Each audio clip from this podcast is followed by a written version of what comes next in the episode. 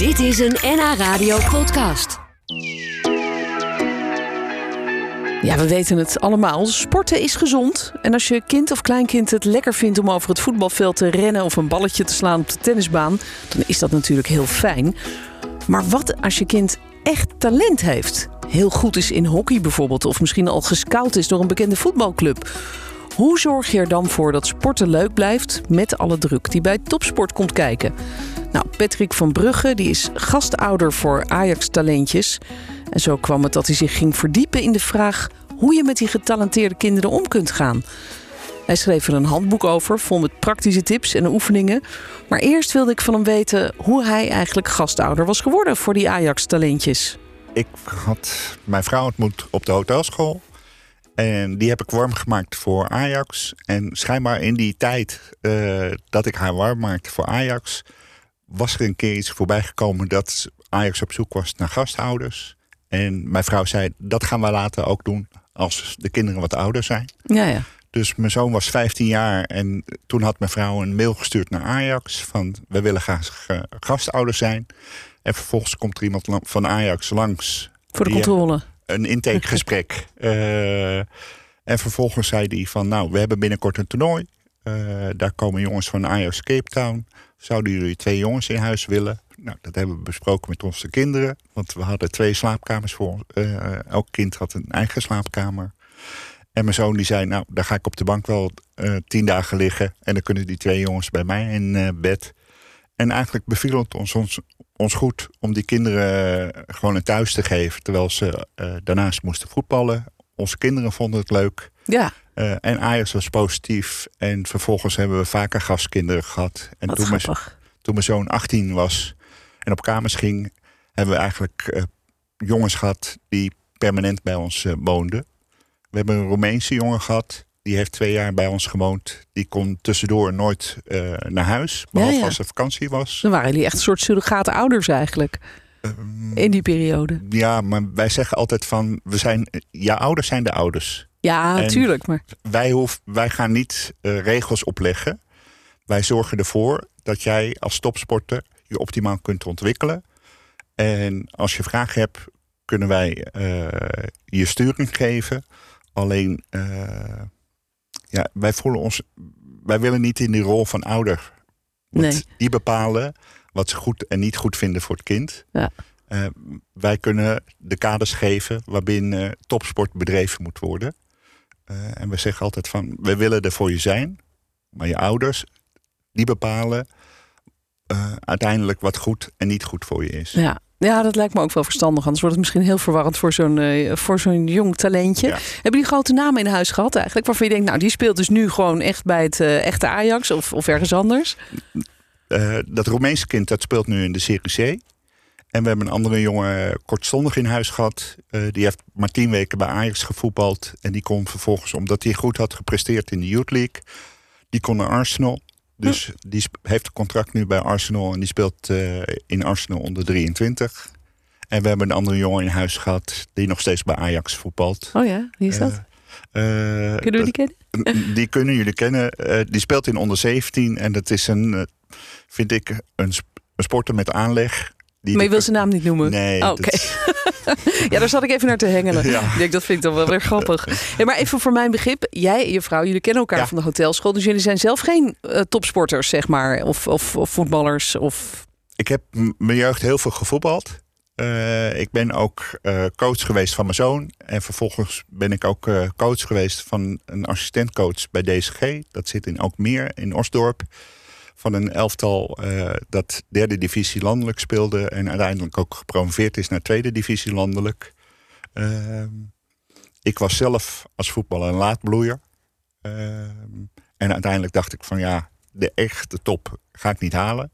Nee. Dus toen heb ik besloten, dan ga ik naar de hotelschool en laat ik het voetbal gewoon varen. Maar het spelletje vind ik wel leuk. Ja, en, en, en dit is natuurlijk ook een hele bijzondere manier om erbij betrokken te zijn. Dat je als gastouder jonge talenten opvangt. Um, jij, jij hebt een boek geschreven, uh, want eigenlijk door die opvang ben je natuurlijk gaan interesseren. Ook van hoe, hoe moet je nou omgaan met die jonge talenten. Uh, een heel praktisch boek heb je geschreven met allemaal tips, maar ook oefeningen staan daarin.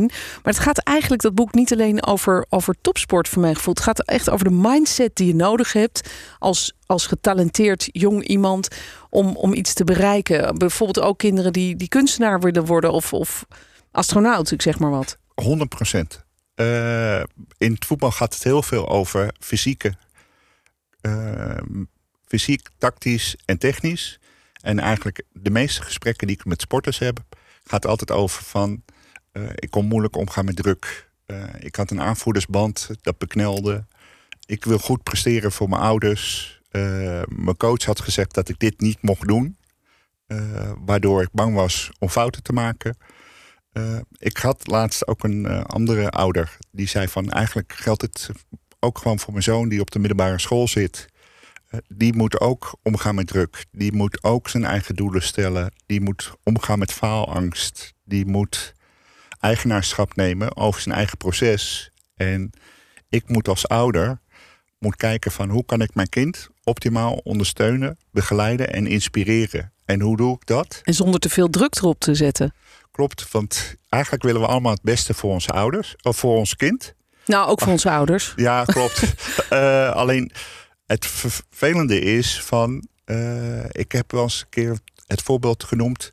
Stel je nou voor dat je als ouder op school uh, je kind langs de zijlijn gaat coachen terwijl die een toets maakt. Ja. Nou, dan zou je heel gek aangekeken worden. Ja, dat denk ik wel, ja. En eigenlijk zien we dat wel op het voetbalveld of op het hockeyveld. Dat ouders constant roepen wat het kind wel moet doen, niet moet doen. Ja. Uh, terwijl daar ontwikkel je niet door. Uh, stop met het zijn van een curling-ouder. Oftewel, zorgen dat kinderen geen fouten maken. Juist door het maken van fouten ga je beseffen van... hé, hey, wat ik heb gedaan, dat is niet goed. Hoe kan ik het beter doen? En ik had laatst eh, de Badmintonbond aan de telefoon. Daar ga ik workshop voor ouders geven. En wat die doen, die gaan heel bewust naar wedstrijden toe dat er geen coaches aanwezig zijn. Om die kinderen constant te leren hoe om te gaan met de tegenstander, tactische aanpassingen doen, te leren van hun fouten. Alleen de valkuil is dat er dan wel ouders zijn en die denken van, oh, ik stap Dan in doen wij het wel, ja. Dan doen wij het wel. Terwijl naar links, naar links, naar voren. terwijl dat juist niet de bedoeling is. Nee, ja, ik snap hem. Ja, dat is wel de valkuil, denk ik, voor veel ouders. Uh, we gaan het er zo nog even verder over hebben hoe je daar dan uh, beter mee om kan gaan ja. en hoe je die balans kunt vinden. Wat belangrijk is, uh, dat zeggen ook alle topsporters met wie ik gesproken heb je moet niet bezig zijn met het resultaat. Van ik moet een prijs halen of ik moet dit. Het nee. gaat er uiteindelijk om dat je je processen goed op orde hebt. En dat je in je proces kijkt, hoe kan ik elke keer beter worden? En als je. Ja, heel, heel uh, zakelijk eigenlijk moet je kijken. En niet emotioneel van, oh, ik wil gewoon de beste worden. Nee. Ja. Want dat, dat leidt af. Je, moet, uh, je hebt een procedure, daar moet je aan houden. Die verfijn je als het nodig is. Maar hou je bij het proces. En uiteindelijk, als je constant je procesdoelen verbetert, dan komt het resultaat vanzelf. Ja, ja. Nou, dat klinkt heel makkelijk natuurlijk. Maar je, je, hebt een heel boek geschreven met allemaal hele praktische tips om dat een beetje vol te houden Klopt. ook. Voor wie net inschakelt, ik praat met Patrick van Brugge. Hij schreef het handboek voor jonge sporters, topsporters en topsportouders. Maar het is eigenlijk een boek, daar hadden we het net al even over. Wat ook heel geschikt is voor mensen die sowieso werken met of ouders zijn van uh, jonge kinderen of pubers. Die een, een, een droom hebben, een ambitie hebben, die, die het willen gaan maken, die een talent hebben. Um, en toen hadden we het er even over dat het natuurlijk voor ouders best heel lastig is. Want je, je wil aan de ene kant die kinderen helpen om het beste uit zichzelf te halen. En aan de andere kant de druk niet te groot maken. Want ze moeten ook nog een beetje kind kunnen zijn. Um, jouw, boek begint eigenlijk met de uitleg wat talent is. Want dat is natuurlijk ook nog iets dat, dat ziet niet iedereen, toch? Uh, je vertelt het voorbeeld van Ronaldo. Die als jongetje niet eens geld voor de bus kreeg. Ze vond hem niet goed genoeg. Klopt. Uh, en een bekende basketballer die ik kan even niet op zijn naam komen. Michael Jordan? Michael Jordan. Daar schrijf je ook over, ja? Klopt. Die werd met 16 jaar uit het uh, team gezet op de middelbare school. Omdat hij uh, volgens zijn coach niet goed genoeg was. Nou, ja. we weten allemaal hoe goed hij is geworden. Ja. En dus... de les eigenlijk is... Talent alleen is niet genoeg. Je moet, je moet doorzetten tegen de klippen op soms. Je, wat heel belangrijk is, is leervermogen. Dus constant zorgen dat je jezelf doorontwikkelt. Zorgen dat je uh, uit je comfortzone komt, uh, fouten leert maken en vervolgens niet denkt van oh, ik maak een fout, uh, dat doe ik niet meer. Nee, vervolgens doorgaan. Bijvoorbeeld je kan niet goed met links schieten. Eerst zou het echt waardeloos zijn als je met links op de goal gaat schieten. Maar stop niet. Stoppen met stoppen. Dat zorgt er niet voor dat je beter wordt. Hm. Ga door en uiteindelijk ga je dat ook onder de knie krijgen.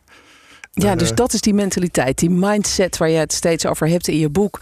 Je moet toch proberen dat talent wat je hebt, dat is niet genoeg. Je moet het ontwikkelen en daarvoor moet je constant maar doorgaan, ook al zit het soms tegen. En voor ouders geldt natuurlijk datzelfde. Die moeten natuurlijk ook helpen om zo'n kind om, om door te gaan. Um, zonder die, die druk te groot te maken. Uh, wat moet je als, uh, hoe, hoe zorg je als ouder ervoor dat de balans niet doorslaat? Dat je dus niet staat te schreeuwen aan de zijlijn, maar toch wel zorgt dat zo'n kind zich uh, ja, gedragen en gesteund voelt? Onvoorwaardelijk achter dat kind staan. Dus er zijn ouders die denken van ja, hij speelt niet, hij zit niet bij de selectie, dus ik kom niet kijken. Nee, ook als een kind op de bank zit, kom gewoon naar die wedstrijd toe. En als hij mag invallen, wees gewoon trots dat hij heeft ingevallen. Wees trots op de prestatie. Ben er onvoorwaardelijk. En, na afloop, als je in de auto zit, terug, dan dat is ook een belangrijk moment, hè? lees ik in je boek. Je moet misschien niet meteen die hele wedstrijd gaan analyseren. Nee, klopt. Kinderen zitten dan nog in hun emotie of hebben helemaal geen zin om over die wedstrijd te praten. Uh, mijn tip is altijd, of hoe wij het deden, en dat werkt goed Vraag gewoon de volgende dag: kunnen we het nog even over de wedstrijd hebben? Zegt het kind ja, dan heeft het zich opengesteld om een gesprek aan te gaan. Zegt het kind nee, dan zeg ik, nou, wanneer zullen we het er wel over hebben? Ja. En vervolgens creëer een opening om het er wel over te hebben. En wat belangrijk is, uh, probeer niet te zeggen wat fout ging. Probeer te vragen van wat heb je die situatie gedaan? Hoe kan je het de volgende keer beter oplossen? En als het kind geen antwoord heeft, geef suggesties hoe, wat de mogelijke oplossing is. Dus zeg niet, het was fout, daar kan ik kind niet mee. Want het is geschiedenis. Ja. Vertel wat een kind de volgende keer misschien anders en beter kan doen. Ja, volgende keer toch maar weer met de rechts trappen, bijvoorbeeld. Goed, nou ja, ik zeg maar wat. Hey, ik vond het leuk dat je er was, uh, Patrick. En uh, um, ja, dat boek dat staat stampvol met uh, hele praktische tips, maar ook met allerlei oefeningen. Dus het is echt leuk voor, eh, denk ik, zowel ouder als kind om, om dat te lezen. En uh, ik zei net dat het te koop is in de boekhandel, maar dat klopt dus niet helemaal. Want het is, het is te koop via de website, via uh, de stichting Topprestatie topprestaties.nl. Goed, dat weten we dan nu ook. Ik dank jou, Patrick, dat dank je hier was Patricia. vandaag. En uh, nou, goede reis naar huis. Hè? Ja, ik vond het superleuk om aanwezig te zijn. Mooi zo. Wij okay. vonden het fijn dat je er was. Groetjes. Dag. Dit was een NH Radio podcast. Voor meer, ga naar nhradio.nl NH Radio